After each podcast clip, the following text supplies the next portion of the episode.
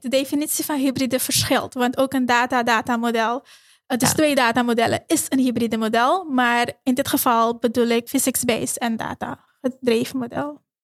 De Dataloog is de Nederlandstalige podcast over big data, data science, machine learning, kunstmatige intelligentie en de digitale transformatie. Luister naar onze wekelijkse podcasts, nieuwsupdates, specials en mini-colleges. Ja, hallo en welkom, lieve luisteraar. Wij zitten hier nog steeds in het Lawrence Centrum voor de volgende aflevering in deze serie over predictive maintenance. En uh, wij hebben een nieuwe gast tegenover ons. Wil je je even voorstellen? Ik heb hier zitten uh, Annemieke Mechu. Wie ben jij, wat doe je? Ja, nou, uh, ja, mijn naam is Annemieke Michel. Ik ben uh, universitair docent op de Universiteit van Twente. En ik werk um, bij de onderzoeksgroep Dynamic Space Maintenance. En ik doe vooral onderzoek naar predictive maintenance, fysische modellen, faalmechanismen. Um, ik heb heel veel ervaring in de spoorwereld. So, ik heb gekeken naar slijtage, vermoeiing. En ja, hoe al die complexe modellen, tijdrovende modellen, efficiënter te maken. Met behulp van surrogate models, wat ze dat noemen, of metamodels. En kun je iets vertellen over je achtergrond? Waar heb je gestudeerd? Hoe ben je in dit onderzoek terechtgekomen? Ja, ja zeker. Um, ik ben uh, geboren getogen in Suriname. Dus ik heb mijn bacheloropleiding werktuigkunde ook in Suriname gedaan. Nou, toen naar Twente uh, verhuisd voor mijn masteropleiding. Werktuigkunde ook gedaan. En tijdens de opleiding ja, had ik al een paar vakken gerelateerd aan maintenance. Dus die vond ik interessant. En uh, keek uit naar uh, promotieplekken in diezelfde richting. Ja? Dus en je had dan, al meteen zoiets van, oh, die, die, academische route, die wil ik op. Ja, dat had ik al sinds het begin. Uh, ik wist nog niet precies welke richting, maar aan de hand van die vakken dacht ik van, nou, maintenance, uh, dat, dat lijkt me een goede. En ook nog om, omdat je ook nog de fysica kan gebruiken. Ja. Dus dat trok me aan. Oké, okay, leuk. En he, je noemde net eigenlijk al een hele mond vol meteen. Ik hoor ja. hier circuit models, ik hoor hier metamodels en uh, weet ik veel wat allemaal. Ja. Laten we dat eventjes gaan uitpluizen, want ik ben eigenlijk wel gewoon heel benieuwd wat jij doet.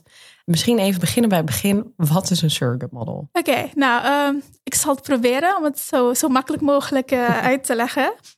Nou, je hebt, je hebt verschillende faalmechanismen. Elk component kan bijvoorbeeld falen door, ja, door vermoeiing of slijtage of corrosie bijvoorbeeld. Um, en al deze processen die kun je beschrijven met uh, fysische modellen of mathematische modellen. En, en als je het hebt over fysische of mathematische modellen, ik heb bij wiskundige modellen, daar ja. heb ik nog wel een beeld bij. Bij fysieke modellen, waar heb je het dan over? Dan heb ik het bijvoorbeeld over de, de eerste wetten of, of ja, de tweede wet van Newton. De, de, bijvoorbeeld okay. kracht is... Um, F is MLA. Ja, ja, precies. dat is natuurkundige ja, precies. Dus dat, uh, formules. Dat, dat, zie je ook op de middelbare school al. Ja, ja, ja. Um, dus soortgelijke modellen. Je, je kunt simpel beginnen, maar je kunt ze nog uh, moeilijker maken door ja, eindige elementen bijvoorbeeld. Um, heel veel simulaties. En dat alles um, is helemaal goed en accuraat, maar het neemt veel te veel tijd in beslag. Ja. ja, dus we hebben het nu over, uh, over wiskundige modellen, over uh, die natuurwetten beschrijven. Ja. En met die natuurwetten kun je slijtageprocessen in systemen ja, die, die natuurwetten geven aan hoe die slijtagewetten werken, welke parameters ze hebben. En dan, ja. Dan kunnen we gaan voorspellen wanneer gaat deze kapot, wanneer Precies, gaat deze je slijten. kunt, je kunt bijvoorbeeld voorspellen na, na x aantal tijd hoeveel materiaal is er afgesleten. Ja, en als er dan te weinig materiaal over is, dan is het uh, ja, tijd om uh, onderhoud uh, te, te plegen of te vervangen. Of te vervangen, ja, zeker. Ja, hangt er vanaf. Nou, dus dat wil je eigenlijk. ik heb bijvoorbeeld heel, heel um, concreet voorbeeld. Uh, dat is de spoorstaf. Die slijt heel hard. Uh, is dat, is dat van, de wissel? Of wat, uh, wat is nee, dat? de normale. De wissel ook. Maar die heeft nog ook andere faalmechanismen. die is heel complex. Maar gewoon spoorstaven. Gewoon, de wat rechte. Je, gewoon uh, rails. Oh, oh, de, oh ja. oké. Okay. Ja, sorry. Ik ben niet ja. helemaal thuis in het terminologielandschap van onze nee, infrastructuur en rail. Geen probleem. Het is goed, het is goed dat, je, dat je het vraagt. Um, ja, dus die slijten heel hard. Want je hebt dan contact tussen wiel en spoorstaaf. En als er onderhoud gepleegd moet worden door de infrastructure managers, willen zij graag weten, nou, wanneer moet ik onderhoud plegen? Wanneer moet ik zo'n spoorstaf vervangen? Wanneer is het helemaal versleten? Ja. Dus die fysische modellen, die accurate modellen, die kunnen ons helpen om uh, de levensduur te bepalen. Ja.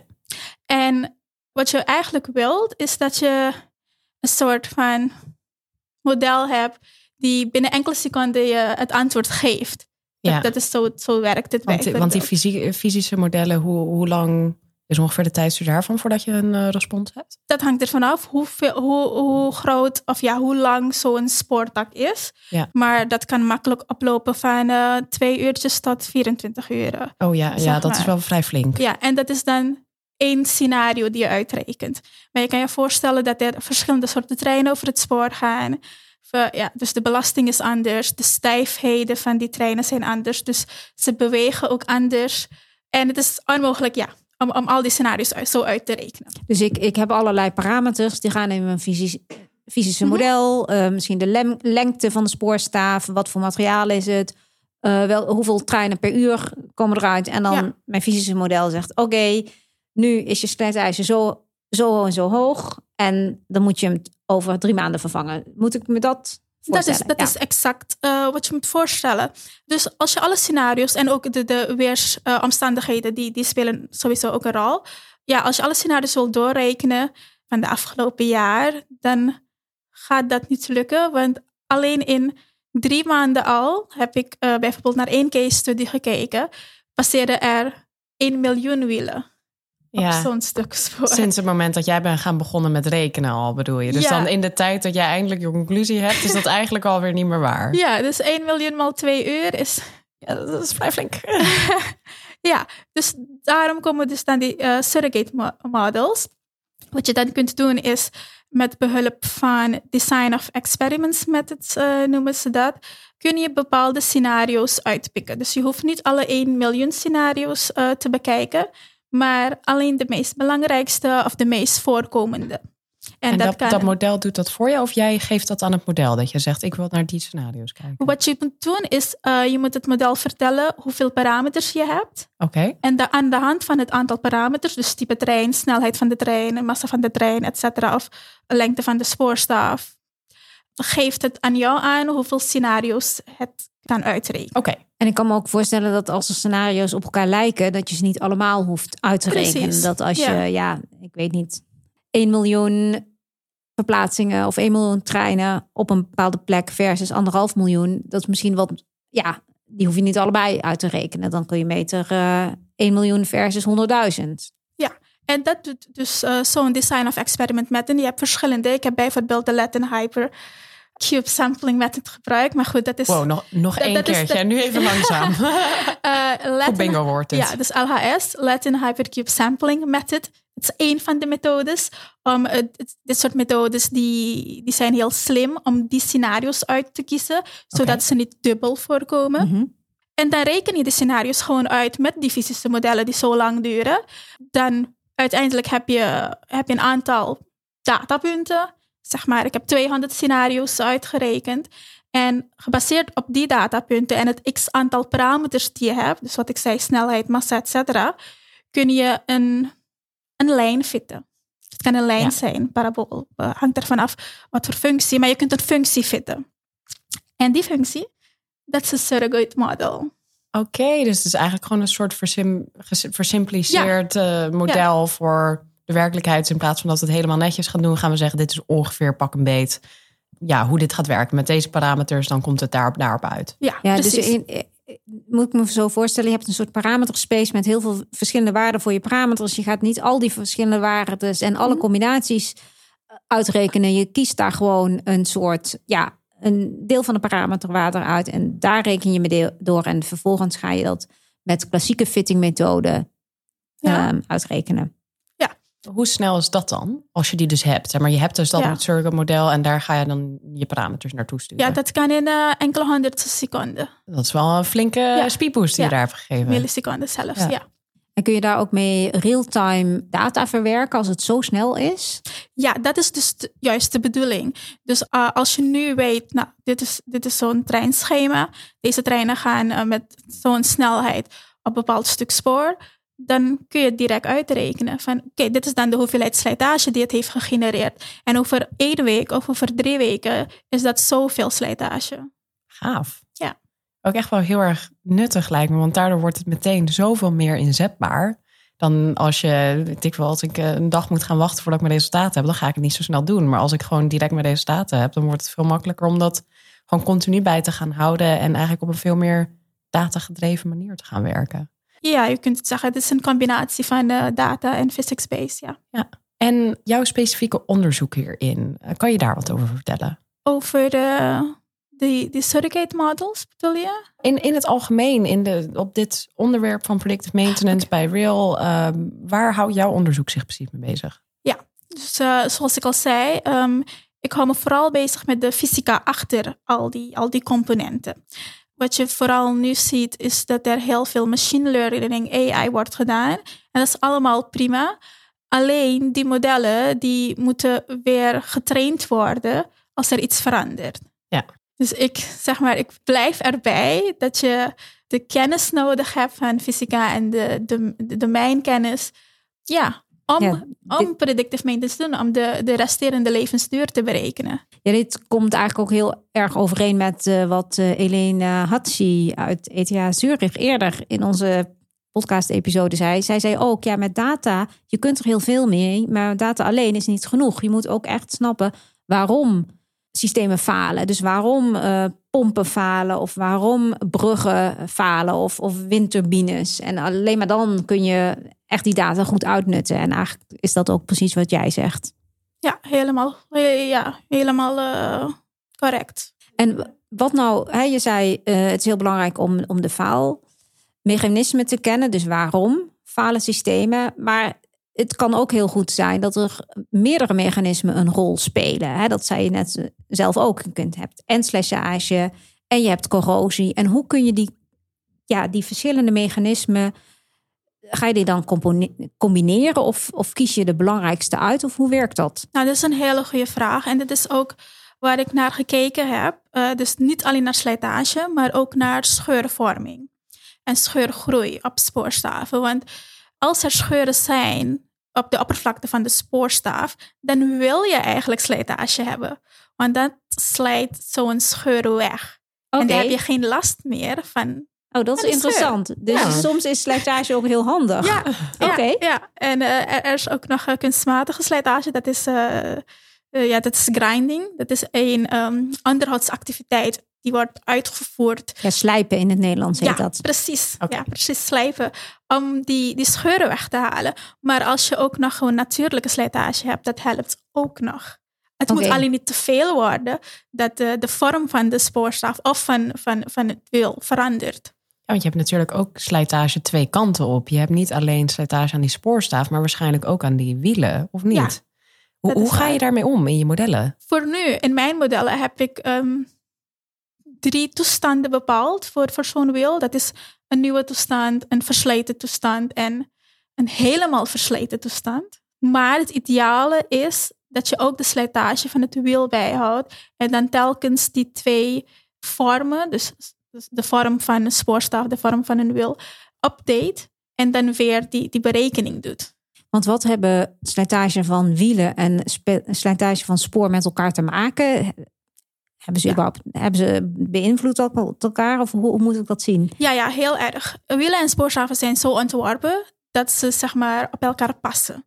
Dus dat, dat is een soort uh, huwelijk. Ja, ja, dat is, ja, precies. Dus dat het contact goed verloopt. Maar als die twee gaan slijten, dan passen ze niet helemaal goed op elkaar en dan krijg je stressconcentraties. Mm -hmm. Dus stress van de wielen slaat door op de spoor en stress van het spoor slaat door op de wielen. Ja, want um, je, moet, je moet zo zien, um, een, een heel goed contact. Ja, een heel goed contact is um, dat je op alle punten evenveel belasting hebt. Tussen twee ja, interfaces. Mm -hmm. Nou, als nou de vorm gaat veranderen, zeg maar, in het begin was die ene een, een cirkel. Nu is het een rechthoek geworden of zo. Of ik neem aan het wiel andersom, was een cirkel. Andersom. ja. Laten we zeggen andersom. Ja, want je kan de cirkel slijten. Uh, je kan een um, vierkant slijten en dan wordt het een soort van een rond. Oké. met een, een ja. randvorm. Maar die spoorstaaf die is dus een vierkant gewend. Dus het, het kan zo zijn dat niet op alle, eh, het heel oppervlakte van de spoorstaaf er contact nu plaatsvindt met zo'n Mhm. wiel. En dat betekent dat sommige punten meer belast worden dan andere punten op, in die interface. En dus harder slijten Ja, ook weer. Dus dat Ja. verandert natuurlijk ook weer jouw model daarin. Dat dan dus de slijtage misschien op een andere plek ineens veel sneller plaatsvindt dan als die wisselwerking niet was gebeurd. Begrijp ik dat dan goed? Ja, dus in mijn model, wat ik dus ook heb gedaan, ik heb een hele grote database aan versleten spoorstaven gebruikt. Zodat ik wel een idee heb van, oké, dit is de range van versleten spoorstaafprofielen. Dit kan er allemaal optreden. En de slijtage die ik dan bereken, wordt uitgedrukt in, eh, in de oppervlakte van de dwarsdoorsnede van de spoorstaaf. Dus je kunt zo zien, je hebt een nieuwe spoorstaaf. Die is helemaal netjes een rechthoek. Precies. Ja. Nee, maar de dwarsdoorsnede, nou, dan heb je een versleten, plak ze op elkaar. En het verschil is dus het materiaal dat weg is. Oké. Ik vroeg me nog wel af, nu we het toch even hebben over die, die data. Jij zegt dus net van, hè, ik heb een enorme dataset van allemaal versleten spoorstaven. Ja. Vaak binnen predictive maintenance is het natuurlijk een probleem dat je te weinig kennis hebt van het foute systeem. Want hoe beter jouw model het gaat doen om slijtage te voorkomen en op tijd onderhoud, dat je steeds minder data hebt over versleten modellen. Mhm. Ehm, hoe is dat in dit geval geweest? Wat is de normale levensduur van zo'n spoorstaaf? Gaat dat best wel hard dat je daardoor genoeg data hebt? Of is dat iets wat bij lang meegaat? Een spoorstaaf gaat vrij lang mee. Iets meer, meer dan eh 30 jaar, zeg maar. Oh, wauw, dus oké. er is heel veel data van, de- van die spoorstaafprofielen. Maar dus heel, vooral heel veel data van goede spoorstaafprofielen dan. Ja, goede in dit geval zou eigenlijk een, een goed versleten profiel zijn. Ja, ja, ja. ja, die zijn er.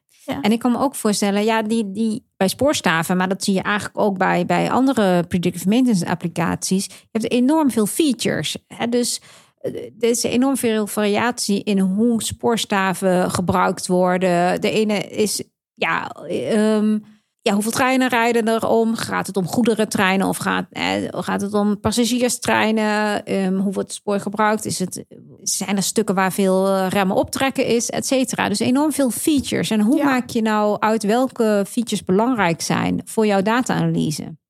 Ook een hele interessante vraag en heel relevant eigenlijk. Want hoe ik ben begonnen, nou, ik heb al die parameters in kaart gebracht. Ook zo'n visgraaddiagram gemaakt en ook eh, ja, gecategoriseerd, zeg maar. Dit hoort bij wil, eh, dit hoort bij weersomstandigheden. En het is bijna onmogelijk om al die features mee te nemen. Dus in dat geval zou je dan een gevoeligheidsanalyse moeten uitvoeren eerst. En dat is wat ik ook gedaan heb. Dus en bij, bij al die parameters kijk je hoe gevoelig is, ja, hoe invloedrijk is deze parameter voor mijn eindresultaat, voor Ja. mijn slijtageproces. klopt. Oké, En eh, ja, gevoeligheidsanalyse, je kunt kijken naar wat doet één parameter met de slijtage. Maar je hebt ook nog parameters die onafhankelijk zijn van elkaar. Mhm. In dat geval betekent dat je een, de, de correlatie van bepaalde parameters, die, of de combinatie, Mhm. die kan juist leiden tot eh, meer slijtage. Terwijl elk parameter individueel niet zou leiden naar slijtage. Ja, inderdaad. En Dus hoe, ja. hoe kom je daar dan achter? Hè? Dat als individueel ja, dingen niet voldoen, maar juist een combinatie wel heel belangrijk zijn voor slijtage. Ja. Hoe kom je daarachter? Daar zijn er verschillende gevoeligheidsanalyse-methodes voor. Dus bijvoorbeeld de Morris Method, die is, is zo'n methode. En elke keer kun je met twee parameters eh, nagaan of de combinatie van die twee. En dan ga je weer die berekening doen natuurlijk met die twee parameters. En de rest van de parameters die hou je constant. Mhm. Ja, effect heeft. Of hoe groot het effect is. Ja, maar ik kan me voorstellen dat het wel in de papieren gaat lopen. Want eerst doe je het voor één parameter, hè, maar Ja, dan voor ja. twee, dan voor drie, dan voor vier. Dat kan wel ehm, ja, uit de hand lopen. Of denk je nou, we weten wel uit dat eh, combinatie van meer dan vijf factoren, daar hoeven we niet, eh, niet bang voor te zijn. Ja, en je hebt ook nog wat termijnkennis van nodig. Dus je, je kunt ook op de expertise van, eh, van de maintenance engineers bijvoorbeeld eh, ja, op ingaan. Van welke zijn nou de parameters die ik tegen elkaar die, of tegenover elkaar moet zetten. Dus dat klopt. Dat Je je moet ergens gaan stoppen. Maar ja, En wat zie jij als de uitdaging in dit hele proces van uitkomen bij zo'n model wat daadwerkelijk gebruikt kan worden? Wat zie jij als de grootste uitdaging daarin? De grootste uitdaging ehm, is eigenlijk die verschillende features. Want op dit moment, de, de surrogate model die ik gemaakt heb, die neemt maar negen parameters uh, mee. Dus dat betekent, al, al die moeite die dan gedaan is, mag je een, een andere parameter willen toevoegen, dan moet je het opnieuw doen. Ja, dan moet je weer helemaal opnieuw beginnen. Ja. Maar zou het niet, ja, denk je dat het mogelijk is om juist voor die feature selection, om daar AI voor te gebruiken? En als je eenmaal de goede features hebt, daarna kun je met je fysische modellen aan de gang. Is dat iets wat, wat je onderzoekt? Uh, dat is niet wat ik onderzoek, maar je hebt me wel een idee gegeven. Misschien toch weer terugpakken naar AI, toch een beetje erbij. Ja, ja ik, ik, ik bedoel, ik ben niet tegen AI. Um, Je hebt het nodig. Maar zorg ervoor dat bij de, ja, dus fysisch gebaseerd en data gebaseerd modellen, dat ze hand in hand gaan. Ja, om eigenlijk ook een stukje robuustheid toe te voegen, ja. hoor ik je eigenlijk voor pleiten. Nee, en dat lijkt me ook heel erg logisch. En ik bedoel, het is ook ergens heel uh, gek om een AI-model ergens in het los in het wild te laten, terwijl je eigenlijk niet kan uitleggen waar, waarom het Precies. doet wat het doet. Ja. Ik wilde nog even terugpakken op iets anders wat jij noemde. Dat waren namelijk metamodels. En ik vroeg me af, is dat nou hetzelfde als zo'n surrogate model of is dat dan weer iets anders? Wat ik tot nu toe heb gelezen, ja? zijn ze hetzelfde. Het wordt een beetje okay. door elkaar gebruikt. Maar zijn gewoon hetzelfde. Gewoon eigenlijk gewoon twee buzzwords die allebei leuk klinken. Alleen ja. stiekem is het gewoon hetzelfde. Ja. Oké, maar dat is goed om te weten. Nou, jij hebt dus zo'n surrogate model gemaakt, toch? Ja, klopt.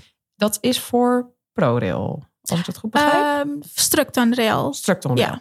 Oké, is dat iets wat zij nu in productie draaien? Of uh, waar staat dit model nu in het proces van experimentatie tot iets wat uh, live draait? Hoe, hoe ver zijn jullie? Nou, daarvan ben ik niet op de hoogte of zij dat al gebruiken. Maar ja, goed, de bedoeling is wel. Ik, ik weet wel van een ander bedrijf. Mm -hmm. Nou, ik zal waarschijnlijk de naam niet noemen, want het is dat is oké. Okay. An anoniem railbedrijf. Ja. um, nou, ik heb met, samen met een researcher toen gewerkt die ook daar werkte. Um, en die gebruikt het nu bij zijn nieuw bedrijf. Of probeert het.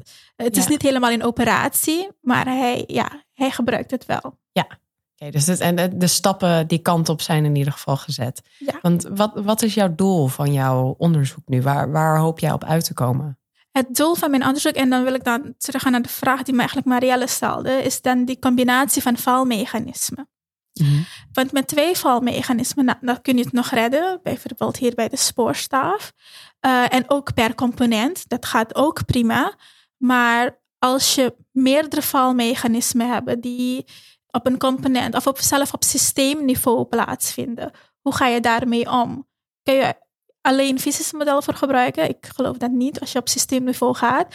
Maar wat zijn dan de, de modellen die, die ervoor gaan zorgen dat je wel het juiste antwoord krijgt en het meest accurate voorspelling bijvoorbeeld? En uh, kun je daar een voorbeeld van geven? Want we hadden voor de combinatie van twee, twee faalmechanismen hadden we trein en wielcontact. Ja. Of we hadden slijtage en corrosie. Maar als ik nou meerdere mechanismen, als Ja. ik daar een voorbeeld van zoek, wat, wat eh, kun je daar, Ja, heb je daar op de plank liggen? Ja, ja dat, dan denk ik direct aan het werk van Nubia. Eh, dat gaat over de impeller van een pomp. Ik weet niet meer precies wat de Nederlandse naam is voor de impeller. Maar Is, de- is dat de- een soort, dat- dat is een soort propeller ding, Ja. toch? Ja, Oh, ja, ja, rotorblad. Ja. Ja, hoe noem je soort dat? van, ja. Ik, ik ken het ook als een impeller. Dus misschien is het ook gewoon een Misschien is impeller het in gewoon een impeller. Eh, Maar goed, we hebben het dus over eh faalmechanismen in die, die impellers, ja, in dus, pompen. Ja. dus, dus daar heb je drie valmechanismen die, die leiden tot degradatie van die impeller. En dat zijn cavitatie, erosie en corrosie. Oké, nou, erosie ken ik. Dat is gewoon erosie. Ja. Maar die andere Cavitatie, twee? Wat is dat? Leg het even uit. Sorry, erosie ken je wel. erosie, ja. Ja, corrosie denk ik Corrosie, ja, is Corrosie ja. Ja, dat klinkt toch iets, Ja. iets serieuzer dan ook. roest. Ja. Maar Ja. je noemde er nog één. Cavitatie. Ka- cavitatie. En Ja. wat is dat? Cavitatie kun je zien als ehm bijvoorbeeld de pompen die, die kunnen of door gewoon functioneren in, in water, maar die kan ook eh, bijvoorbeeld langs de kust functioneren op zo'n schip. En dan gaan er zanddeeltjes ook naar binnen. Mhm. En die zorgen voor ja, pitting. is het Ehm, een soort van fysieke slijtage? Ja, die, die hebben impact op de impeller. En die dus wel telkens een impact hebben, dan zorgen ze ervoor dat er een soort een- een deukje of zo is. En dat beschadigt dan die impeller. En dat proces, dat is eigenlijk cavitatie. Want dat is, wat- ja, dat is een soort damage aan die impeller. Oké. Spe- heel specifiek eh, schades aan die impellers die veroorzaakt worden door zanddeeltjes. Kan ik het zo samenvatten? Ja, zanddeeltjes, En- oké. Ik heb, dus bij dat trein-wielcontact was het wel duidelijk dat als je wielen slecht zijn, word je spoor slecht. En als je spoor slecht is, word je wielen slecht. En heb je dat hier ook? Dat is dat die me- verschillende mechanismen op elkaar inwerken? Ja, je kunt bijvoorbeeld. En hier eh, bij, bij de spoorstaaf was het zo dat je juist slijtage wilt hebben, eigenlijk, om die scheuren weg te Oh ja, halen. ja dat hadden we ook. Ja. Dat, hadden we, ja, dat hebben we besproken. Bij die impeller is het juist zo dat de, de, die, die valmechanismen elkaar versterken. Oké, dus als ik een erosie heb, heb ik ook meer cavitatie en heb ik ook meer corrosie. Nee, niet precies, maar ik bedoel, als ze op, het, op dezelfde plek voorkomen, Dan wel. Oké, dan wel. Dan dat is wel irritant. Ja, dat is wel irritant. Dus de, de uitdaging is dan ook, maar dat hangt van eh, eh, weer, zou ik zeggen, ervaring af. Dus dan moet je gaan kijken, nou, wat zijn de gefaalde impellers tot nu toe? En als je foto's daarvan hebt, waar komt eh, zo'n faal, een van de drie faalmechanismen voor? Komen er ook twee voor? En op die manier kun je dan verder gaan onderzoeken hoe die faalmechanismen elkaar hebben versterkt Ja, want hoe ben je daar überhaupt achter gekomen dat ze elkaar versterken? Want ja, nou ja, ik ben geen werktuigbouwkundige, Ja. maar ik zou zeggen, ja, het is gewoon- het zijn gewoon onafhankelijke mechanismen en wat het eerst optreedt, ja, dat heb je dan. Dus dan hoef je niet naar die interactie te kijken. Nou, bijvoorbeeld eh, als we kijken naar cavitatie. Cavitatie heeft je materiaal al, scha al schade toegebracht aan je materiaal. Nou, heb je daar ook nog corrosie, dan zal corrosie sneller plaatsvinden, omdat je materiaal, of ja, de coating, die is al Oké, beschadigd. ja, ja, ja. Mhm. Ja, inderdaad. Op die manier, ja. Oké, Ik zit hier een beetje naar de tijd te kijken. En wij Ja. moeten daar namelijk een klein beetje op letten. Omdat jij straks nog een presentatie moet geven. Ja, dat klopt. Dus misschien heb jij nog eh, een afsluitende opmerking. Waar je denkt, dit vind ik even belangrijk om nog mee te geven. Om het samen te vatten, zou ik zeggen, ehm, de conclusie of ehm, zeg maar de, de oplossing zijn hybride modellen. Dus laten we niet, eh, ja, la- laten we niet zeggen de ene is beter dan de ander, maar laten we gewoon gaan voor hybride modellen. En En als je het hebt over hybride modellen, bedoel je dan hybride tussen wel AI en compleet visies? Of bedoel je dan hybride tussen visies en surrogate? Dat is een hele goede vraag. Ja, of dit- kunnen we gewoon alles erin gooien? Nee, de definitie van hybride verschilt. Want ook een data-datamodel, het is Ja. twee datamodellen, is een hybride model. Maar eh, in dit geval bedoel ik eh, physics-based en data-gedreven model. Ja. Oké, nou dat lijkt me een mooie conclusie. Ik eh, wens je zo heel veel succes met je praatje en met Dankjewel. de rest van je onderzoek natuurlijk. Dankjewel dat je vandaag hebt aangesloten bij de Dataloog. En eh, ja, wij hopen dat natuurlijk iedereen die luistert nog een keer aanhaakt voor de volgende aflevering. oh, dankjewel. Oké, doei. Bedankt voor het luisteren naar deze uitzending van de Dataloog. Vond je onze podcast leuk, goed, interessant of wellicht te veel ene en nullen? Laat een review achter of geef thumbs up. Heb je vragen of opmerkingen? Kijk dan ook eens op www.dedataloog.nl. Hier staan ook de show notes van alle uitzendingen. Je vindt onze nieuwe uitzendingen wekelijks op iTunes, Stitcher, Spotify en alle andere bekende podcastplatforms. Alles wat wij maken doen we onder Creative Commons. Je mag alles hergebruiken voor niet-commerciële doeleinden, zolang je ons als bron maar noemt. Volg ons op Twitter op @dedataloog. Graag tot de volgende keer.